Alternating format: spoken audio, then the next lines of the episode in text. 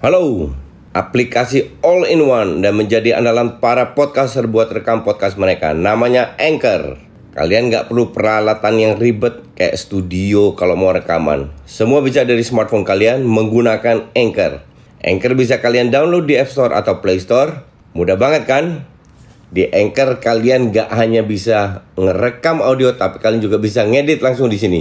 Bukan itu aja, Anchor juga dapat mendistribusikan konten kamu ke platform lain, contohnya Spotify, Apple Music, dan lain-lain. Keren kan? Satu aplikasi buat semua kebutuhan. Daripada kalian makin penasaran, mending langsung aja download Anchor sekarang. Oh ya, Anchor ini gratis loh.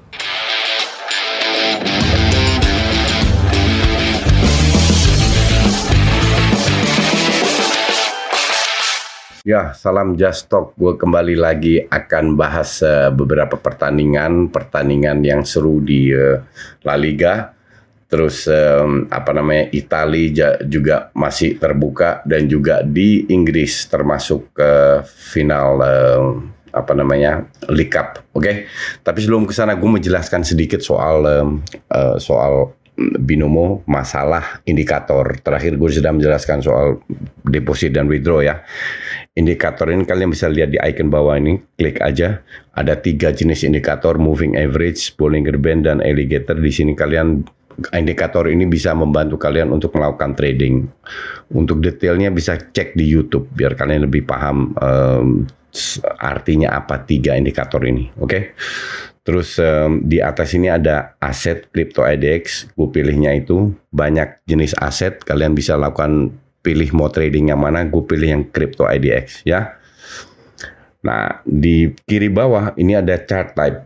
Banyak jenis lines, candles, bars, bars bentuknya kayak begini, candles kayak begini. Gue pilih yang lines dan gue ambil yang satu detik. Oke. Okay.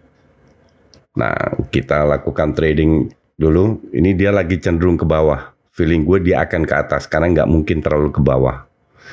Jadi gue ambil, gue tunggu dulu masih ada 8 detik. Lihat, ya gue ambil yang up. Tradingnya ke up. Ya. Ya, time left to buy sudah. Kita lihat apakah gue benar atau tidak. Karena kalau kita lihat di sini dia turunnya terlalu ekstrim ya. Dan dia di sini turun makanya gue tunggu-tunggu. Feeling gue sih dia akan ke atas.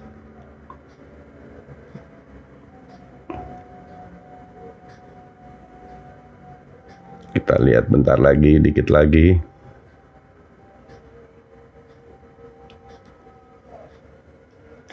Apakah gue benar? Ini close. Ya, ternyata gue benar menang dua setengah juta lagi jadi 21. Um, untuk bisa melakukan trading dengan benar itu butuh jam terbang seperti main sepak bola seperti hal-hal yang lain dan gue udah setahun bermain awal-awal pasti ada kalahnya dan kalau dihitung-hitung lebih banyak menangnya. Nah, untuk bisa melakukan itu, Binomo memberikan fasilitas. Fasilitasnya itu di akun demo. Akun demo itu ada 1000 dolar di mana kalian bisa bereksperimen. Bukan jumlahnya, tapi kalian bisa mulai dengan jumlah kecil, kecil eksperimen terus coba-coba coba terus. Kalau kalian merasa jam terbang tinggi, baru bisa melakukan real trading seperti yang gue lakukan. Nah, untuk bisa mendapatkan um, 1000 dolar itu silahkan download Binomo dan klik link di uh, deskripsi dan pin komen. Oke. Okay? Klik link di deskripsi dan pin komen untuk mendapatkan 1000 dolar di akun demo. Sukses selalu. Ya, sekarang kita ke match uh, bahas uh, Inggris dulu. Mulai dengan uh, MU. MU akhirnya seri. Sebenarnya nggak begitu penting juga. Cuman yang jadi masalah kan kalau mereka menang, mereka bisa bisa berada di memperkecil gap lah menjadi 8 poin karena uh, City sempat kalahkan dua match sebelumnya walaupun terakhir menang kalah lawan Leeds itu nggak bisa dimanfaatkan oleh MU. Kalau gue bilang sih ini tipikal MU yang punya pemain banyak yang berkualitas, cuman nggak ada mentalnya. Dan ini kita lihat berkali-kali maka dari itu oleh punya julukan uh, apa namanya uh, spesialis di semifinal karena gue tidak melihat Ole bisa memanfaatkan peluang atau pemainnya pada saat mereka harus perform di bawah tekanan. Ya kita lihat mungkin kita berandai-andai aja oleh oleh melakukan rotasi Pogba dicadangin uh, Daniel James main bermain dengan 2M uh, Bruno bermain. Sebenarnya dengan line up ini mereka sering memenangkan pertandingan tapi tekanan ini kan cukup besar. Apalagi lawannya Leeds. Leeds itu nggak pernah parkir bis justru setengah jam pertama kalau nggak salah Leeds lebih unggul dari sisi ball possession. Leeds lawan siapa? Mereka nggak peduli menang kalah. Pokoknya mereka memainkan permainan yang yang sesungguhnya. Mereka menang lawan City, sekarang seri lawan MU.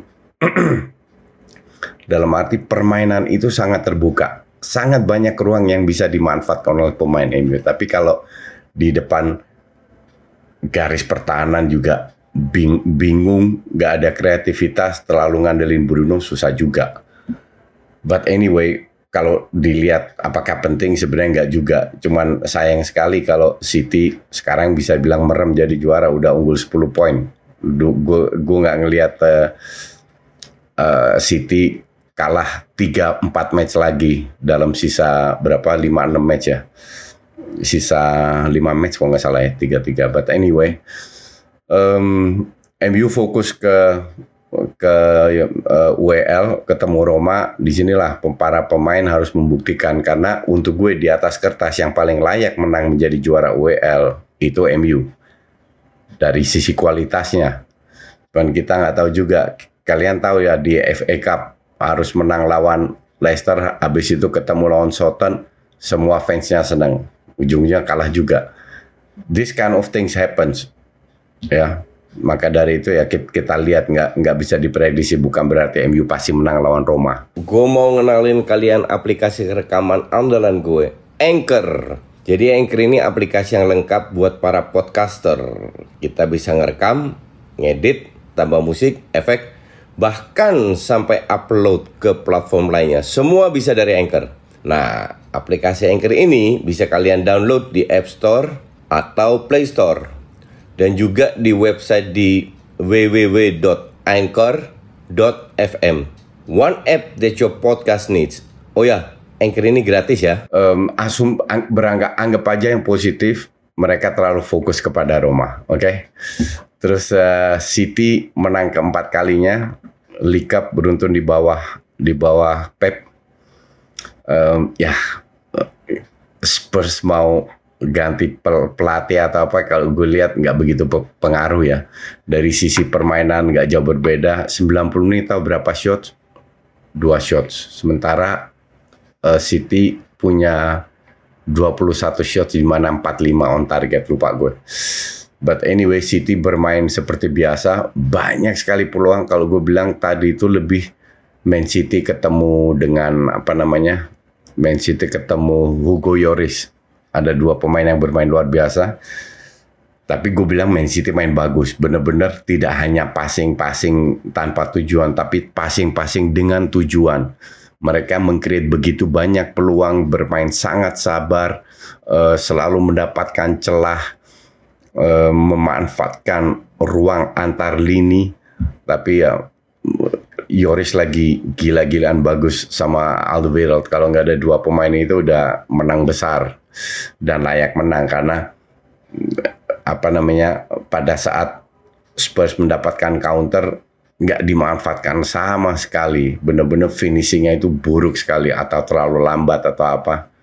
Tapi ya kita sudah tahu lah Spurs nggak nggak berubah dan uh, dengan kemenangan ini pasukannya Pep bisa fokus ke ke Champions League lawan PSG ini yang kita tunggu semua, yang sangat seru.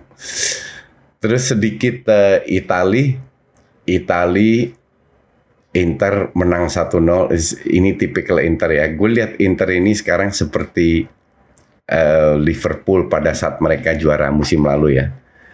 Menit-menit akhir 1-0, 1-0. Lu cek deh uh, goal difference-nya, mayoritas satu gol. That's enough untuk tiga poin. Ini menunjukkan tim yang yang mau jadi juara. Sebenarnya gue berharap sampai sampai match terakhir seru ya, tapi kayak begini ini dua tiga match sebelumnya itu udah udah dihabisin nama Inter. Gue tidak melihat Inter keteteran lagi karena mereka nggak ada Champions League, nggak ada Copa juga masih akhir Mei kalau nggak salah. Jadi eh, cukup istirahat, uh, fokus ke satu pertandingan, benchnya juga lumayan. Dari sisi permainan Inter nggak berubah. Inter isi Inter main 3-5-2 pergerakan juga sangat textbook. Lukaku lihat ini itu udah gua kalau gue nonton Inter gue udah kebaca ini arahnya ke mana. Tapi ya selama lu menang nggak ada masalah. Nggak ada yang akan kritik tim lu atau kritik ke uh, siapa namanya Conte dan lain-lain. Karena Inter sudah lama nggak juara kan. Semua dikuasai sama Juve. Um, tahun ini ya Inter 99,9 persen Inter yang juara. Gue expect Juve jujur. Tapi kita lihat Juve gue nggak tahu apakah salahnya Pirlo atau enggak ya. Tapi kalau gue bilang sih kualitasnya pemain itu terlalu jelek. Dibanding musim lalu terutama ini tengah nggak ada Matuidi nggak ada nggak ada Pjanic itu ngaruh banget. But anyway Juve kembali lagi seri udah. Juve itu kalau Eh, bisa main Champions League aja udah udah bagus. Napoli lagi on fire juga. Dan juga Atalanta yang baru menang 5-0. Jadi ini harus ini sangat berbahaya untuk uh, untuk siapa namanya? Untuk Juve. Uh, apakah bisa main di Champions League atau enggak? Ya. Milan tinggal satu match kalau kalau Milan menang ya akan membuat lebih seru dikit lah. Semoga Milan menang karena kalau terlalu cepat juara nggak nggak seru lah uh, kita ke La Liga. Madrid kemarin sore, seri.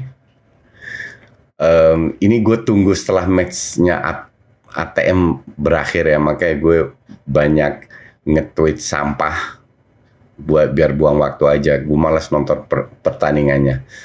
Ternyata di awal-awal sudah siapa namanya Atletik unggul, 1-0 disamakan di menit 77. Aduh, feeling gue ini seri dah. Gue udah kesel aja seri. Eh ternyata menit 86 Inigo Martinez assist by Ibai Gomez mencetak gol 2-1. Kembali lagi ATM mengalami kehilangan poin dan kali ini nggak seri tapi kalah. Dan karena Barca menang, dua Madrid kehilangan poin satu seri satu kalah Barca sekarang tinggal satu pertandingan kan. Kalau ini menang akan berada di atas ATM. Walaupun masih ketemu ATM di kandang. Oke. Okay? Artinya bisa unggul satu poin di atas ATM. Ini udah ketat banget lah kasarnya begitu. Um, Barca ketemu Granada di next matchnya, habis itu Valencia baru ketemu si siapa namanya ATM, oke? Okay? Nah sementara Barca sendiri menang Barca menang berapa tadi 2-1 ya. 2-1 dua gol dari Griezmann. Tapi gol kedua itu kado ya. Kado si Void salah passing ke bawah, ke belakang dimanfaatkan oleh uh, Griezmann. Tapi di sisi lain, di sisi lain kenapa Void bisa bisa melakukan kesalahan karena high pressnya Barcelona itu gue bilang cukup bagus Bermainnya seperti apa? Bermainnya ya not bad lah, cukup bagus. Cuman yang bikin gue agak kecewa pada saat uh, mereka kena kartu merah yaitu di menit. Ntar gue cek menit 65. Justru Villarreal bisa ngimbangin. Asli Villarreal itu ngimbangin sampai sampai menit akhir. Oke, mereka mereka uh, bermain lebih agresif di belakang man to man, bermain dengan high press. Cuman Barca ini nggak bisa indah kelemahan tim ini nggak bisa kill the game, nggak selalu bisa kill the game, nggak bisa mematikan. Padahal mereka unggul satu orang. Akhirnya seperti yang gue bilang uh, siapa namanya Pedri nggak main terlalu bagus sama Griezmann di, diganti sama Dembele sama Ilais tapi Messi nggak main main nggak nggak main bagus lah kalau gue bilang. Diong dapat dua peluang besar, satu di depan gawang tinggal di lob nggak masuk, satu di tepis tinggal dia shooting pakai kaki kiri eh di di passing ke ke Dest. Tapi ini kalau gue bilang ini ugly win. But sometimes nggak ada masalah karena Barca berapa match terakhir main bagus dan menang kan. Nah sekarang sekali-sekali ugly win nggak ada masalah istirahat dulu sampai next matchnya mereka nggak main di Eropa lagi tunggu sampai next matchnya seperti apa. Jadi untuk gue sih eh, apa namanya ini sebuah sebuah kemenangan yang yang rasanya double karena kompetitornya dua-dua kehilangan poin. Sekarang ini yang bikin surat apakah Barca sanggup untuk menggeser menggeser si Atletico Madrid atau tidak kita lihat di next tiga match berikutnya. Yang penting kalau semua menang atau bahkan semua menang seri lawan ATM Barca juara. Nah sekarang tergantung Barca punya mental atau tidak. Ini udah masalah mental. Lo harus memenangkan per pertandingan um, dan gue nggak yakin itu jadi gue nggak berani bilang Barca juara atau enggak ya kita lihat aja kita nikmati aja semua match oke okay? thanks for watching